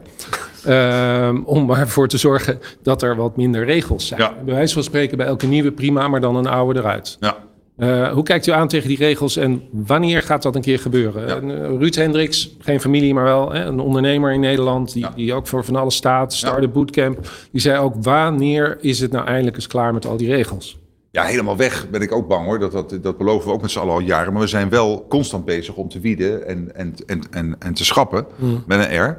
En uh, bijvoorbeeld nu ook in dit kabinet hebben we die MKB-toets. Uh, mm. Om ervoor te zorgen dat je wetgeving ook toetst op wat voor impact heeft het op het midden- en kleinbedrijf. Uh, maar hij vraagt wat is de impact van het midden- en kleinbedrijf, mm. zeker ook van het ambachtelijk. Dat is niet te onderschatten. Uh, te overschatten, zeg ik nou goed? Geval, het is heel groot. Ja. Uh, dan ben ik even kwijt hoe je precies moet zeggen. Maar het is enorm groot. En waarom is dat groot? Omdat, kijk, iedereen die s'morgens wakker wordt en tegen zijn man of vrouw zegt, uh, s'morgens, weet je, ik, ik denk toch eens dat ik voor mezelf ga beginnen. En een bedrijf start en uiteindelijk succesvol is, hoop je. en mensen in dienst gaat nemen. En gaat innoveren. En als het dan ook nog een ambachtelijk bedrijf is. Uh, waardoor mensen bijvoorbeeld die uh, op een mbo-opleiding zitten, daar aan de slag kunnen. Neem, in Den Haag heb je zo'n prachtige, ik weet niet of die nog steeds is, je had zo'n opleiding voor stucadoors. Mm. Nou weet je, uh, dat, dat, dat maakt ook sfeer. Omdat ondernemers ook niet grote zeurpieten zijn meestal. Want dan red je het ook niet. Die zijn meestal wat vrolijker. Dus het creëert zoveel. Het geeft zoveel spin-off, zoveel bijeffecten. Weet je wat de gemiddelde leeftijd van dat soort ondernemers is? Geen idee. Nee. 40 plus. Dat zijn mensen die een bepaalde ervaring hebben opgedaan hè, en een stappen verder zijn. Er is ook een hele groep tussen de 20 en de 30 ja. die, die heel anders kijken naar, naar alles wat met ondernemen te maken heeft. En dus ook met regelgeving. Wat is uw verhaal voor hen? Maar in de zin van dat zij niet willen Nou, in de zin dat zij anders, start-up-achtige... Ja. ja, fantastisch ook. Meer tech natuurlijk. Ja, maar is ook belangrijk. Ja, maar Moet daar, die mix hebben. En, en daar is niet voldoende ruimte. Nou ja, begin ermee uh, uh, als liberaal dat, dat ik niet moet gaan bedenken mm. waar, in welke sectoren je bedrijven moet hebben. Dat doet die economie zelf wel. Die kan zichzelf heel snel aanpassen. En dat was ook waarom ik in 2010, hij neemt donderdag afscheid, Maxime Verhagen. Hij werd toen minister Economische Zaken. Hij was heel erg voor die topsectoren. Ik was toen tegen. Hij heeft gelijk gekregen. Dus het werkte wel met die topsectoren, want je hebt heel veel sectoren daardoor kunnen ontwikkelen. Maar ik dacht toen ook, dat is toch eigenlijk een zaak van de economie. Waarom moet de overheid... Nou, het bleek te werken. Hij had gelijk, ik ongelijk. Um, maar dat geldt natuurlijk ook voor de economie in de, in de volle breedte. En we hebben zo'n grote... Ik was laatst bij uh, met Constantijn van Oranje. Die heeft die hele grote ja. uh, uh, club die zich bezighoudt met start-ups in de uh, in de tech-industrie. Daar zit een zaal met honderden ondernemers. Mm -hmm. En ja, die... Daar is de gemiddelde leeftijd 25. Exact. Ja. Ja, eh, ik, eh, ik was een tijdje geleden in China, in eh Changchun of zo, daar in het zuiden. Shenzhen, hoe heet die stad, die grote stad in het zuiden.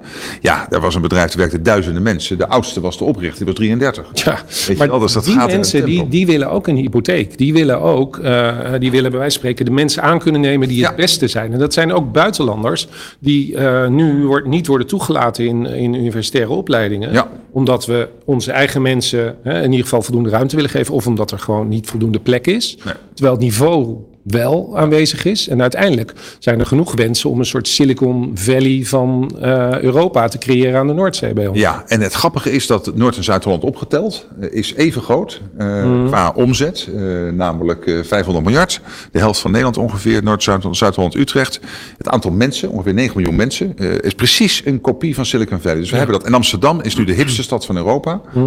Dus iedereen wil daarheen. Dus heeft een enorme aantrekkingskracht. En nou, als je dan zegt Eindhoven is Amsterdam-Zuid, gaan ze daar ook naartoe. Eh, dus het heeft eh, op heel Nederland een effect. En ik zie eerlijk gezegd nu in Amsterdam, maar ook in, in Eindhoven en op zoveel plekken heel erg veel van dit soort bedrijven ontstaan. Het gaat in een razend tempo en die trekken mensen uit de hele wereld aan. Een bedrijf als ASML natuurlijk heel groot is, heeft 200 nationaliteiten werken. En eh, dus ik, ik, ja, ik, ik hoor ook wel, ja, hoe kunnen we eraan aan de mensen komen? In Nederland is natuurlijk bijna geen werkloosheid meer. Er zijn natuurlijk heel veel mensen die nog steeds eh alfa of gamma opleidingen volgen. En niet de echte harde beta opleidingen. Dus ja, ik, pro- ik probeer er ook aan te werken dat meer mensen voor die technische beroepen kiezen. Maar kijken die bedrijven niet naar Politiek Den Haag en denken van... goh, we zijn mondiaal bezig. Hè? We hebben hoofdkantoren waarschijnlijk buiten Nederland. Eh, maar op Binnenhof zijn ze vooral met, met, met zichzelf bezig. Wat wij natuurlijk vaak horen ook van lezers en abonnees. En, eh, Ze zijn vooral bezig met hun eigen strijdjes en onderlinge dingetjes. En, eh, en wij gaan ondertussen eh, gaan maar door met dagelijks leven. Ja, nou die bedrijven kunnen zichzelf heel vaak goed. Eh, Wat die bedrijven willen is stabiliteit. Betrouwbare overheid willen ze. Maakt wel eens het grapje, hoe stabiel je het hebben? 13 jaar dezelfde premier. Ja. Dat, dat, dat werkt ook maar één keer. Eh, maar eh, ze willen stabiliteit, maar vooral ook voorspelbaarheid in regels, in belastingdruk. Betrouwbare overheid. Betrouwbare overheid. En, ehm, en, en dat wordt gemiddeld genomen ook erkend dat we dat zijn. Nou ja. wordt wel gewaardeerd. Daar komt het bedrijfsleven. Ja, daar komt het bedrijfsleven. Ja, want je net, ondernemers zijn geen zeurpieten. Maar daar ben ik onlangs met Hans Velbrief nog in Groningen geweest. En we hebben een heel gesprek met MKB-ondernemers gehad. Dat was een goed gesprek. Maar die voelden zich al vijf jaar lang totaal verloren en niet gehoord door de politiek. Hè. En er Mhm. zijn allerlei uitvoeringsinstanties gecreëerd. Maar het geld gaat vooral naar de bureaucratie. En nou, dit is misschien een beetje een flauw voorbeeld. Nee, maar het is een terecht maar die-. Maar, Het is maar een die terecht voorbeeld. waardering hè, voor die ondernemers, hè, en dat vind ik ook, dat puzzelt mij wel eens. Hè. We hebben aan de ene kant heel veel coronasteun gegeven. We hebben economische groei, iedereen heeft een baan. En tegelijkertijd voel ik toch een soort onmacht, onvrede in het land bij veel ondernemers. Heeft vaak met die uitvoeringskwaliteit, uitvoeringscapaciteit te maken. Ik geef nog een ander voorbeeld. Als je de belastingtelefoon bijvoorbeeld belt, ja, je komt er gewoon niet doorheen. Hè? Dus dat soort dingen. En ook daar vind ik het weer zo jammer. Mensen die dat dan horen, die dat werken, die doen hun best. Maar ik snap het ook. Want het is Maar, ook maar nou zegt de VVD natuurlijk heel lang, we komen op voor die ondernemers. En nou, we hebben vandaag verkiezingsuitzending. Dus ik vind het toch belangrijk voor onze achterban, ruim 100.000 ondernemers. Wat ga je nou de komende tijd veranderen als VVD om deze dingen, die zorg toch een beetje weg te nemen? Ja. ja, om te beginnen, we hebben 22% van de stemmen gehaald. Dus we kunnen niet in ons eentje alles beslissen. Eh, en we kunnen ook niet iedere keer als iemand een raar voorstel heeft... meteen het kabinet laten vallen. Dus mensen willen ook stabiliteit. Maar waar wij voor knokken, want daar gaat het om. Waar, waar zit je ziel? Wat, wat, waar, waar sta je voor? Dat is voor een, voor een sterk bedrijfsleven. En dat is overigens alles. Van de bakkapper op de hoek eh, tot en met eh, dat bedrijf als Shell en Unilever. Ik vind het nog steeds verschrikkelijk dat het hoofdkantoor weg is. Maar gelukkig voor Shell is Nederland nog steeds na Duitsland de grootste markt in Europa. En ze doen massieve investeringen hier in de waterstoftransitie. Dat Nederland dus een aantrekkelijk land is. Waar je kunt investeren. En dat betekent dus dat je heel precies moet letten op je lastendruk. Eh, in Engeland hebben ze de VPB nu over de hele linie naar 25% verhoogd. Wij gaan die fout hier wat mij betreft niet maken. Eh, dus dat je let op je lastendruk. Eh, dat je let op de regels. Eh, dat je zorgt, we hebben het beste universitaire stelsel van de wereld buiten Engeland en Amerika. Dat je daarin blijft investeren. Geldt ook voor ons HBO. Dat je probeert mensen te stimuleren om naar technische opleidingen te gaan. Al dit soort zaken. Maar nog belangrijker, dat je, dat je mentaal snapt dat die 400 miljard die de overheid uitgeeft van die 1000 miljard, dat die verdiend wordt door die man of vrouw die wakker wordt en tegen zijn man of vrou- een vrouw naast zich zegt: eh, Ik ga voor mezelf beginnen. Of dat bestaande bedrijf overneemt. Of dat grotere bedrijf verder laat groeien. Dat het, en dat het ook leuk is dat we dat hebben. En dat die bedrijven zich niet hoeven te verantwoorden dat ze niet bij de overheid werken, maar een bedrijf hebben. Maar dat, daar ontbreekt het wel eens in Den Haag aan. Niet bij de VVD, maar ik loop hier nu tien jaar rond vanuit de ONL voor ondernemers. En ik vind bij maar heel weinig partijen warme ontvangst voor zeg maar, wat in het bedrijfsleven gebeurt. Het lijkt wel of we iedere keer weer meer regels krijgen, meer lasten krijgen. Uh, alsof het vanzelfsprekend is dat dat geld verdiend wordt, zeg maar. Hè? Exact. En hoe hoe dus doorbreken we dat nou een keer? Ja, uh, nou ja, het flauwe antwoord is een hele grote VVD. Uh, maar het echte antwoord is dat, dat... Ja, ik probeer het ook bij die andere partijen duidelijk te maken. Maar die hebben dan vaak zoiets... Ja, maar daar ben jij van. Dus jij zorgt voor het bedrijfsleven. En dan zorg ik voor de cultuursector. En ik stand een van die andere partijen. Ik zal ze niet noemen. Dan denk ik, nee, hallo, ik ben ook voor cultuur. Daar gaat het al helemaal niet om. En ik vind het ook niet erg dat de overheid eh, belastinggeld ophaalt en er mooie dingen van doet voor ons allemaal, zoals goed onderwijs en gezondheidszorg. Maar begrijp nou dat het wel start bij iemand die, die onderneemt. En, en dat hij zich niet hoeft te verantwoorden. En als hij succes heeft, dat dat alleen maar geweldig is. Dus Ah, maar goed, dat doe jij zelf toch ook? Ik bedoel, ONL, eh, maar ook de andere werkgeversorganisaties, die werken er ook hard aan. Ja, maar goed, die ondernemer doet het niet alleen. Hij doet het samen met zijn werknemers. Hè? Ja. Het is, het is, uh, hè, je, je kan het alleen maar samen doen. En 70% van Nederland werkt in het midden- en kleinbedrijf. Precies, en het wordt alleen maar meer, is mijn indruk. Ja. Uh, dus het zou heel fijn zijn, denk ik, voor al die mensen die nu kijken en luisteren. Hè? Dat die politiek ook een keertje voor ons opneemt. Hè? Ja, alleen de, de politiek bestaat dan ook weer niet. Uh, ik, ik, ik kan maar zoveel verantwoordelijkheid voor die hele politiek nemen. Anders dan als het me te gortig wordt. Dat ik natuurlijk niet zou aarzelen te zeggen. Dan moet je terug naar de kiezer. Ja. Maar goed, dat, dat ga je ook niet lichthartig, licht, uh, hartig, of weet het, uh, nou ja, zomaar doen. Want je wil ook niet het land steeds in politieke crisis storten. Mag ik daar wel, mag ik daar wel op doorgaan? Want u zegt, je gaat niet zo snel naar de kiezer. Um, het kabinet heeft het moeilijk hè, in de peilingen. De peilingen zijn redelijk onbetrouwbaar, blijkt altijd ah. in de laatste 30 jaar. Maar goed, heeft het moeilijk in de peilingen.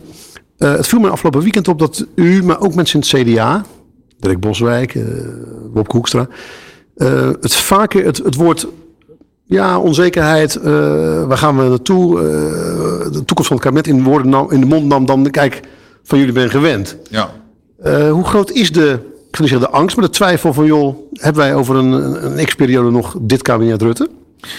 Ik denk dat we dit kunnen redden met dit kabinet. Want dus op zich zijn de verhoudingen goed, ook tussen de fractievoorzitters en ook in het kabinet, in het kabinet zelf. Er zitten gewoon hele goede mensen in. Vind ik tenminste, vanuit alle vier de partijen. Maar er zijn een paar hele grote problemen liggen. Een van de grootste problemen is natuurlijk migratie. Die enorm grote asielinstroom. Nou, dat zal misschien niet de gemiddelde ondernemer iedere dag raken in zijn eigen werk. Maar het is voor het land echt een zorgpunt. Omdat met zo'n hoge asielinstroom, ja, uh, het is al heel lastig een huis te vinden. Dat wordt dan nog lastiger. Onderwijs raakt de. Zorg.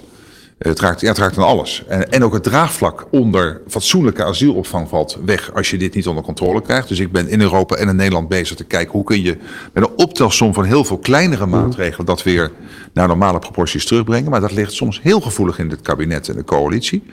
Uh, stikstof blijft natuurlijk spannend. En een derde uh, uh, is natuurlijk klimaat. Dus er zijn echt wel grote onderwerpen. Maar aan de andere kant, deze vier partijen.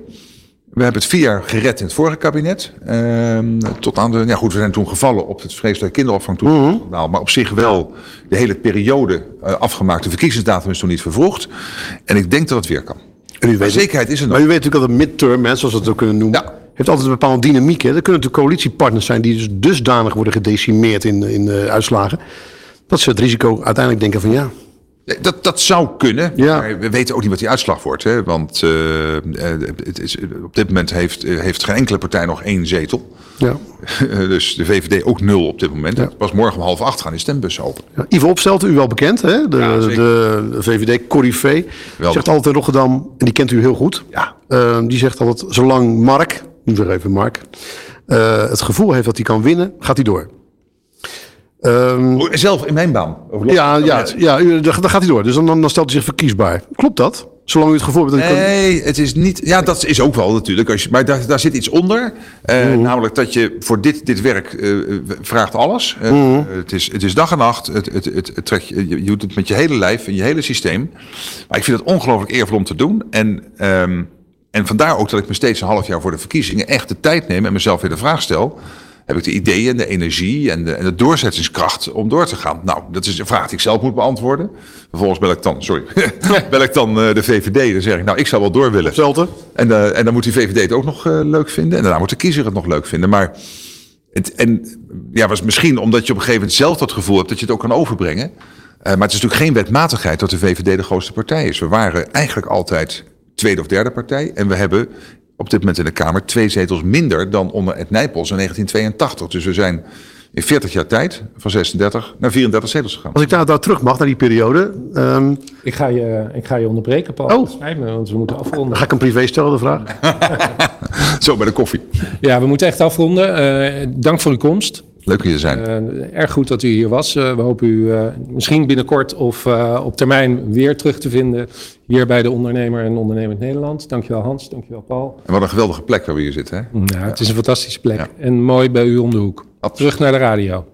Zo is dat. Een uitgebreid gesprek met eh, premier Mark Rutte, maar vooral ook eh, partijleider van de VVD natuurlijk. In aanloop naar de provinciale statenverkiezingen en de waterschapsverkiezingen van morgen. Straks gaan we er nog even over door, eh, onder andere met consumentenpsycholoog Patrick Wessels. Live vanuit Ondernemershuis Nederland in Den Haag. Dit is De Ondernemer kiest op Nieuw Business Radio.